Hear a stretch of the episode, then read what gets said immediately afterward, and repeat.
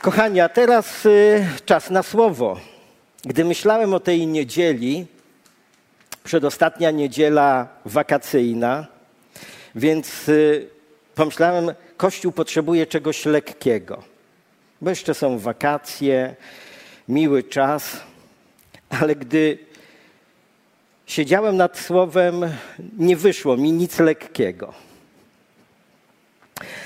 Y, chcę dzisiaj mówić o walce. O walce, bo gdziekolwiek się rozejrzymy, nieustannie widzimy tę walkę. Dzisiaj modliliśmy się o Białoruś, tam walka o władzę. Jeszcze dalej na wschód kolejna walka. Nawalny leżący w szpitalu też walczył z władzą i walczył o władzę. Słuchajcie, gdziekolwiek nie rozejrzymy się, tam jest walka. W naszym kraju ciągle jakieś walki polityczne. Walka o władzę. Walka o to, by rządzić. Bo jak niektórzy twierdzą, władza to największy afrodyzjak. Coś, co pobudza człowieka. Coś, co daje mu siłę, ważność, znaczenie. I gdy patrzymy na to, co dzieje się w różnych krajach, widzimy, jak władza ma decydujący wpływ na to, co dzieje się w kraju. To, kto rządzi, jakie podejmuje decyzje, wpływa na życie każdego z nas, na poziom naszego życia, na kondycję społeczną, na gospodarkę, niemalże na wszystko. To jest taki wpływ bardziej pośredni niż bezpośredni. Ale żeby nie było zbyt politycznie, bo polityka, jak mówią, jest brudna, chciałbym pewną historię z dalekiego kraju powiedzieć. Rodezja, przepiękny kraj, który przez całe dziesięciolecia był określany jako spichlerz Afryki. Duże farmy, duże gospodarstwa, produkcja żywności. Zmieniła się władza i szczerze powiedziawszy, bardzo dobrze, że władza się zmieniła w tym rasistowskim kraju.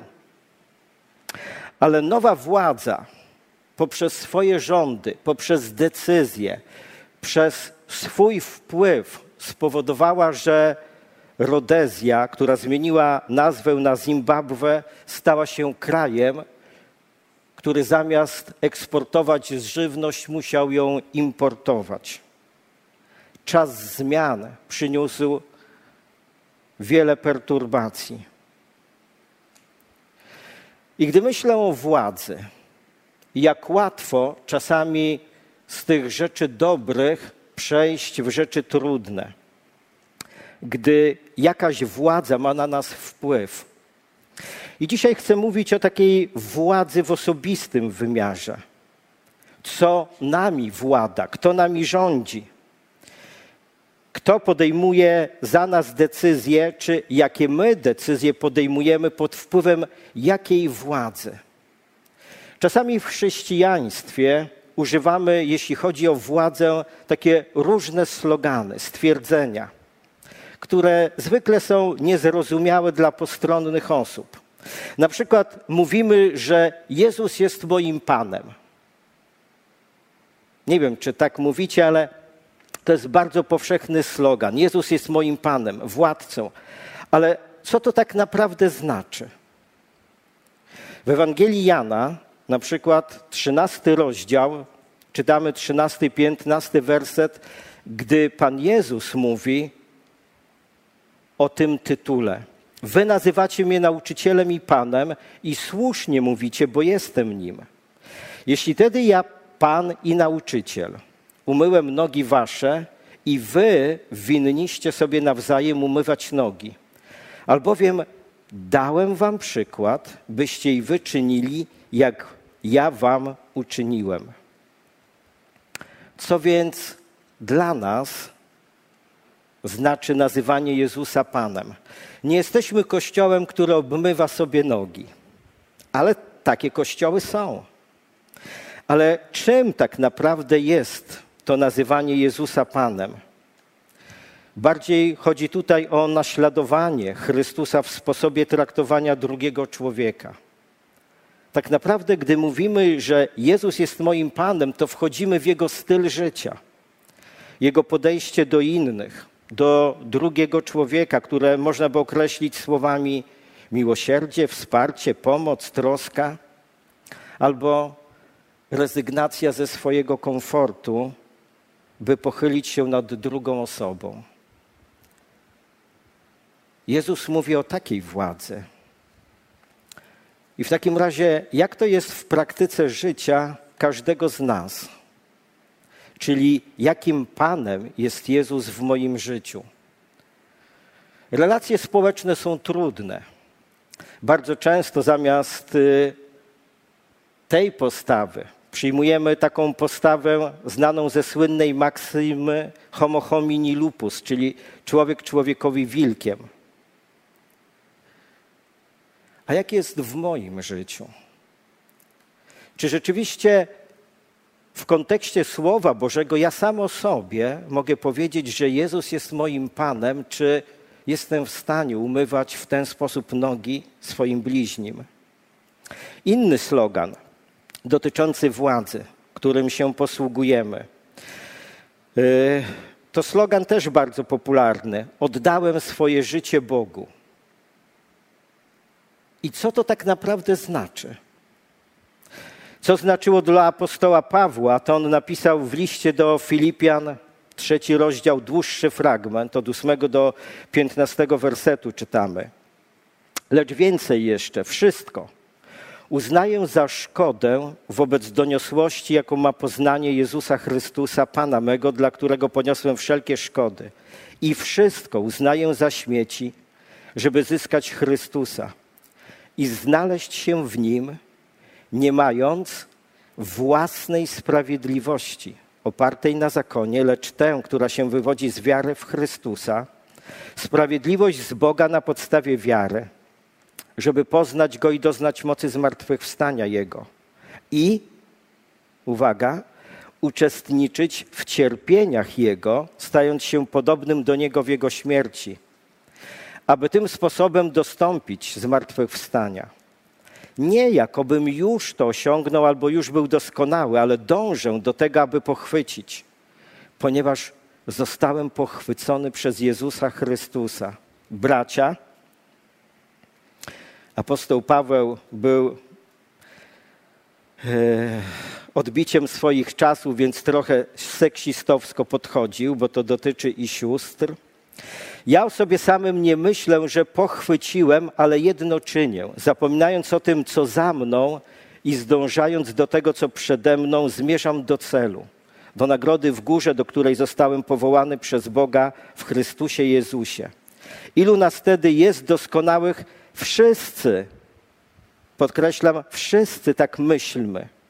A jeśli o czymś inaczej myślicie, i to wam Bóg objawi, tylko trwajmy w tym, co już osiągnęliśmy. Dla Pawła oddanie albo poddanie swego życia Bogu to było coś totalnego, zmieniającego radykalnie jego życie, podporządkowanie się jego nauce, jego stylowi życia, bo stawał się podobnym do niego. Czyli ogólnie mówiąc, stawał się podobny w jego podejściu do Ojca w niebie i do drugiego człowieka. Wiecie, w chrześcijaństwie jestem już 40 lat. I wiem, że za takimi sloganami Jezus jest moim Panem, oddałem swoje życie Bogu, może kryć się zupełnie inne nasze życie. Jak jest z tą władzą Jezusa w nas, w życiu każdego z nas? Okazuje się, że to nie jest takie proste. Chciałbym powiedzieć o trzech takich głównych ośrodkach władzy w życiu każdego z nas. Bo zadałem sobie pytanie, czy Jezus naprawdę ma władzę taką pełną w moim życiu. I chcę powiedzieć o trzech ośrodkach takiej władzy.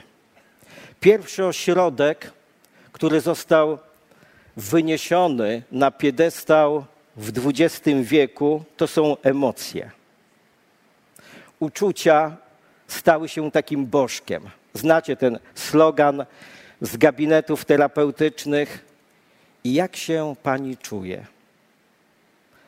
Tak jakby uczucie miało być najważniejsze i decydować o naszym życiu. Ja wiem, że uczucia są niezwykle ważne. One właśnie są takim ośrodkiem władzy, mają wpływ na nasze myślenie, na nasze samopoczucie. Z jednej strony są taką piękną paletą barw naszego życia, a z drugiej strony każdy z nas doskonale wie, jakie mogą siać spustoszenia w życiu, gdy puszczą nam emocje. Żeby rozluźnić trochę atmosferę, pomyślcie, każdy o sobie, kiedy puściły wam emocje, jakie słowa wypowiadaliście, co robiliście. Czasami można byłoby pośmiać się, gdyby ktoś nagrał filmik, gdybyśmy zdystansowali się do tego. Emocje są strasznie silnym ośrodkiem władzy.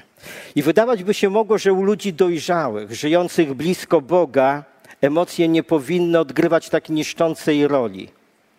A jednak chciałbym pokazać na przykładzie niezwykłego Bożego męża, proroka Eliasza, jeden z uznawanych za największych proroków starotestamentowych, jak emocje nim kierowały. Jak sobie nie poradził z emocjami w pewnym momencie swojego życia. W pierwszej księdze królewskiej, 19 rozdział, czytamy takie stwierdzenie. Jest to moment, kiedy Eliasz dokonał niezwykłej rzeczy na górze, gdzie ściągnął ogień z nieba, później ściągnął deszcz z nieba, a w konsekwencji, na skutek tych działań, pod wpływem intryg królowej, czytamy, zląkł się więc i ruszył w drogę, aby ocalić swoje życie. Po prostu zląkł się. Można by powiedzieć kobiety, królowej. Miała wpływ, miała, miała władzę. Ale Eliasz dokonywał niezwykłych cudów, a tutaj zląkł się. Przyszedł do Berszeby, która należy do Judy i tam pozostawił swojego sługę. Sam zaś poszedł na pustynię o jeden dzień drogi, a doszedłszy tam, usiadł pod krzakiem jałowca i życzył sobie śmierci, mówiąc: Dosyć już, panie, weź życie moje, gdyż nie jestem lepszy niż moi ojcowie. Jak lęk zaburzył postrzeganie Eliasza. Jak skupił go tylko na tym, czego doświadczył w relacji z królową, a gdzie stracił całą swoją relację z Bogiem. Emocje mogą zaślepiać, mogą ranić, przynosić ból, zniszczenie, jak tornado być. A jednocześnie doskonale wiemy, jak emocje mogą uskrzydlać nas jak napędzać w życiu, jakie są przyjemne. Drugi ośrodek władzy to nasze pragnienia. To, czego w głębi serca pragniemy. I nie sposób omówić wszystkich naszych pragnień. Ja tylko powiem o trzech głównych, a skupię się na jednym. A trzy główne pragnienia to pragnienie władzy uznania, wartości, autorytetu. Drugie pragnienie pieniędzy. Mieć, mieć więcej, więcej, więcej. I trzecie niezwykle silne pragnienia to pragnienia seksualne, które są w życiu każdego człowieka.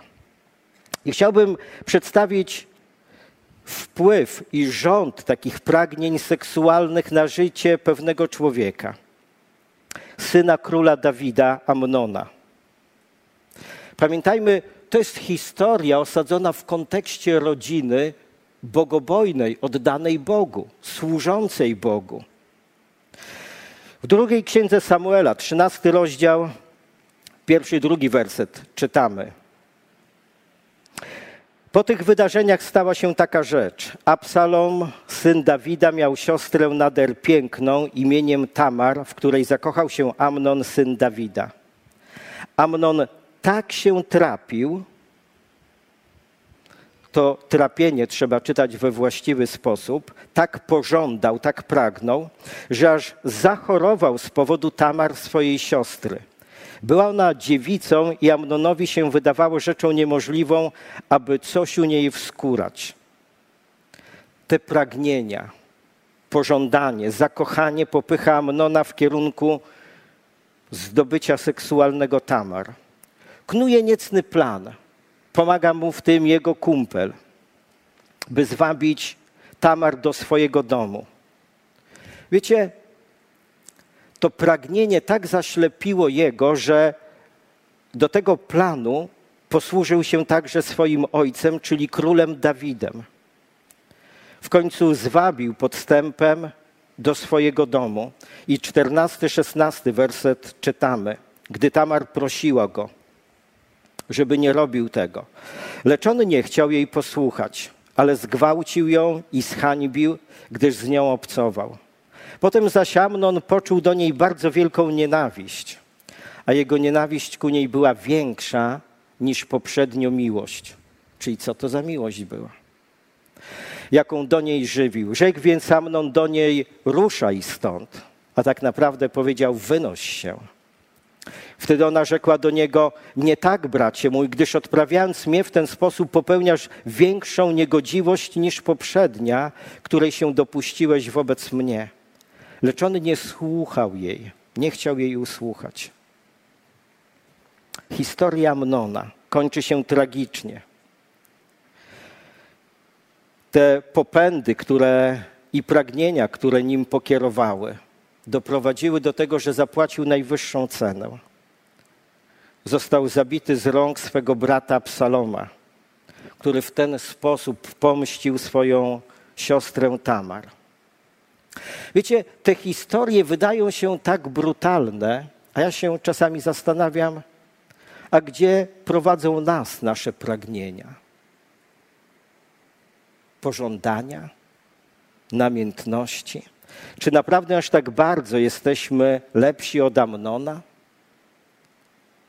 Dane internetowe mówią co innego. Jeśli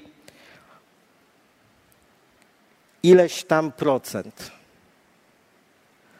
ludzi wchodzi w pożądania, oglądając pornografię, to nie jesteśmy lepsi. Trzeci ośrodek władzy. Nasze myśli, to jak myślimy, jakimi myślami tak naprawdę kierujemy się w naszym życiu. Nie słowami, nie deklaracjami, ale głębokimi myślami, które w nas tkwią, siedzą, są zakorzenione. Historia z Ewangelii Marka, drugi rozdział. Czytamy, i przyszli do niego niosąc paralityka, a dźwigało go czterech. A gdy z powodu tłumu nie mogli do niego się zbliżyć, zdjęli dach nad miejscem, gdzie był i przez otwór spuścili łoże, na którym leżał paralityk. A Jezus ujrzawszy wiarę ich rzekł paralitykowi, synu, odpuszczone są grzechy twoje. A byli tam niektórzy z uczonych w piśmie, Ci siedzieli i rozważali w sercach swoich, czemu ten tak mówi? On bluźni. Któż może grzechy odpuszczać oprócz jedynego Boga? A Jezus zaraz poznał w duchu swoim, że tak myślą w sobie i rzekł im: Czemu tak myślicie w sercach swoich? Czemu tak myślicie w sercach swoich? Kto zna Twoje myśli? Myślę, że to byłby, byłoby niezwykłe przekleństwo, gdybyśmy znali myśli drugiej osoby. Jakie myśli skrywamy na dnie swojej duszy, głębokie, których nie wypowiadamy, ale one są. I często to te myśli skrywane władają naszym życiem, kierują nami. I każdy z nas doświadcza takiego wewnętrznego zmagania, takiego ścierania się tych emocji, myśli, pragnień, toczy się wewnętrzny bój. Zwykle nie widać tego na zewnątrz, ale skutki takiej walki są już widoczne, bo to jest nasze zwyczajne, codzienne życie.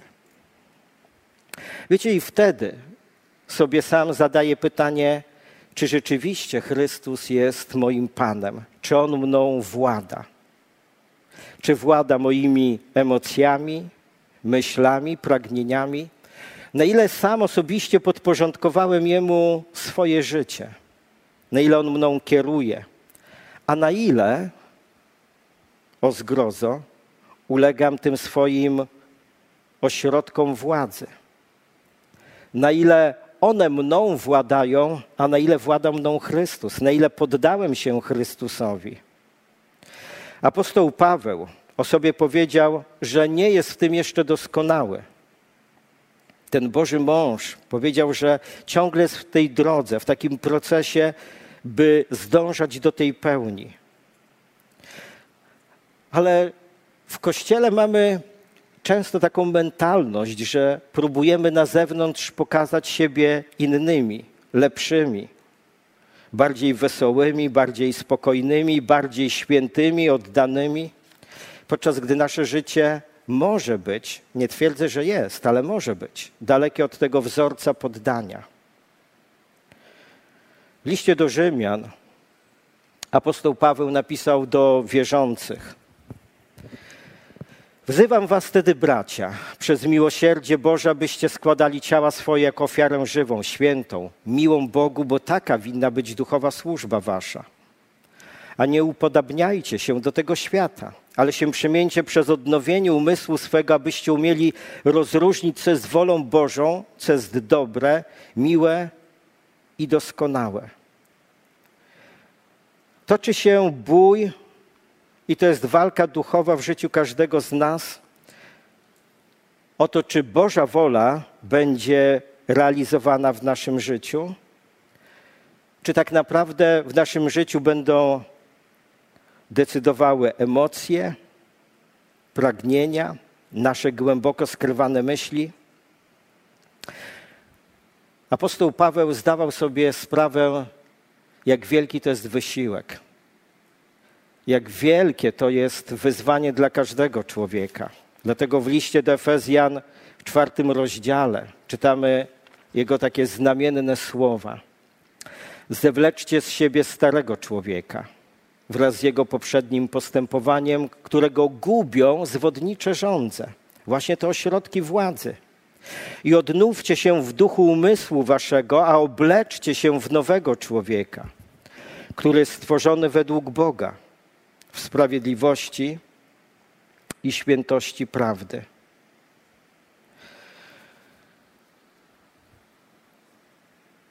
I to by Chrystus panował nad naszym życiem,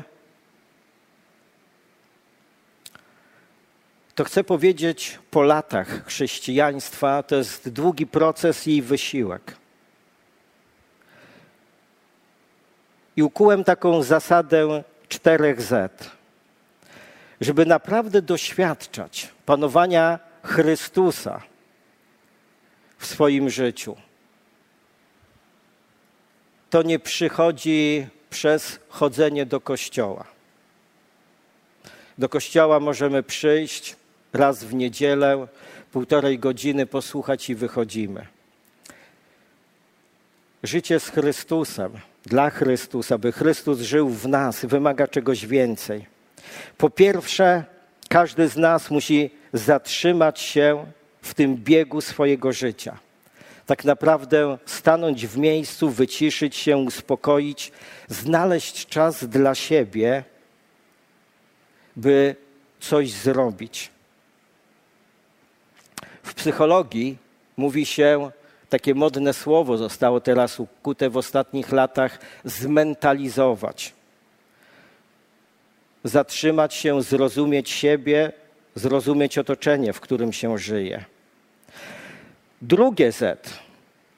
Gdy zatrzymasz się już, wyciszysz, bez takiego głębokiego zbadania swojego serca, co tak naprawdę w każdym z nas jest, co w moim sercu się dzieje, nie będę miał trzeźwego myślenia. Każdy z nas raczej ma myślenie życzeniowe. Ja zawsze mówię, że jestem taki fajny, taki miły, ale gdybyście porozmawiali z moją żoną, ona powiedziałaby coś więcej wam, że nie jestem aż taki miły i taki fajny na co dzień. Staram się.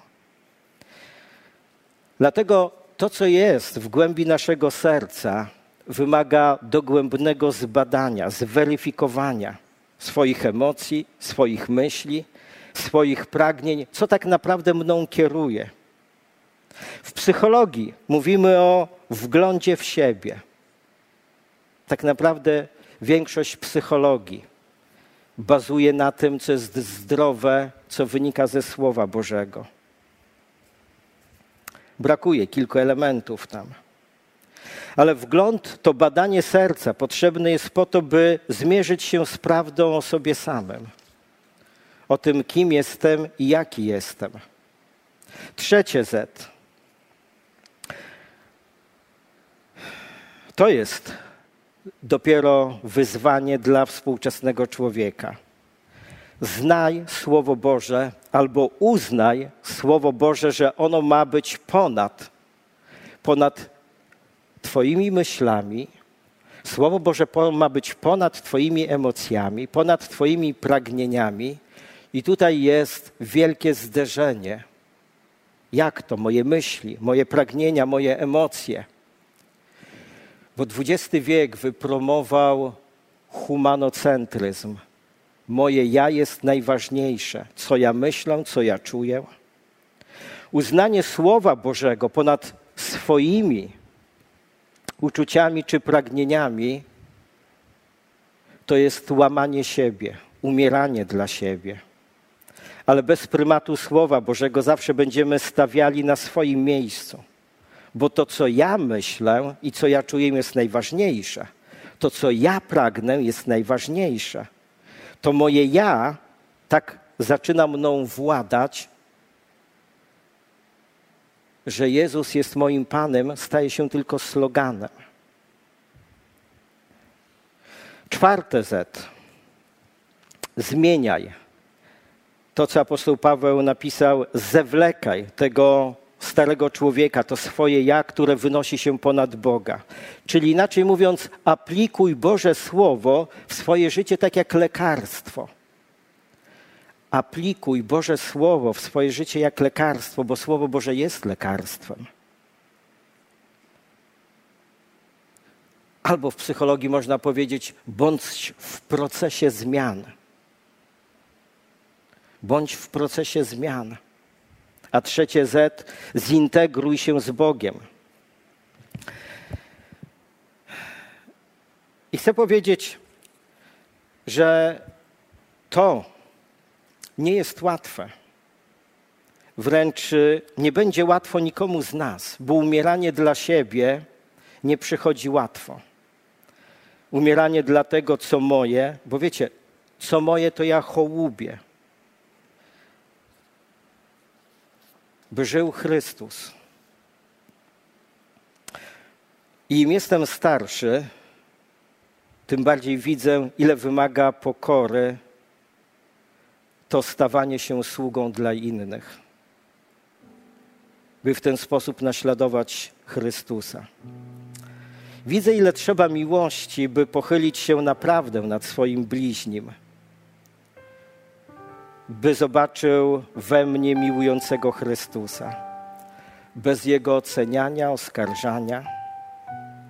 Wiecie, wiem, że łatwiej, bo znam to ze swojego życia, chwycić za taki kamień prawdy. Każdy z nas ma pełno takich kamieni prawdy, bo moje prawdy są moje, najlepsze, najważniejsze. I wymierzyć takim kamieniem prawdy cios w bliźniego a wiecie, jeszcze najlepiej tak, by ten cios tak dotknął jego serca, by przyjął moją prawdę.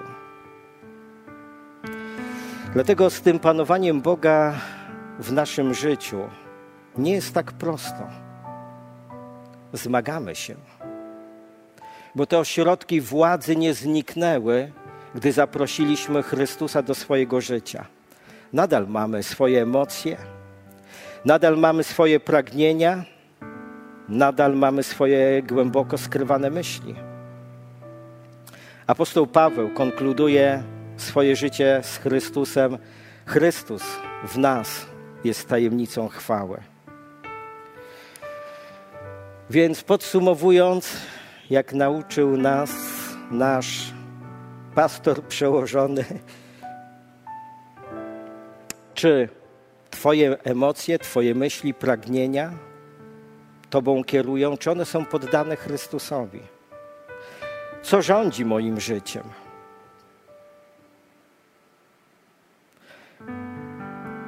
Chciałbym powiedzieć, Jezus jest moim Panem. Chciałbym. Ale czasami zastanawiam się, czy to nie tylko jest, czy to nie jest tylko slogan. Bo może Panem jest coś innego w danej chwili. I każdy sam musi sobie odpowiedzieć na to pytanie.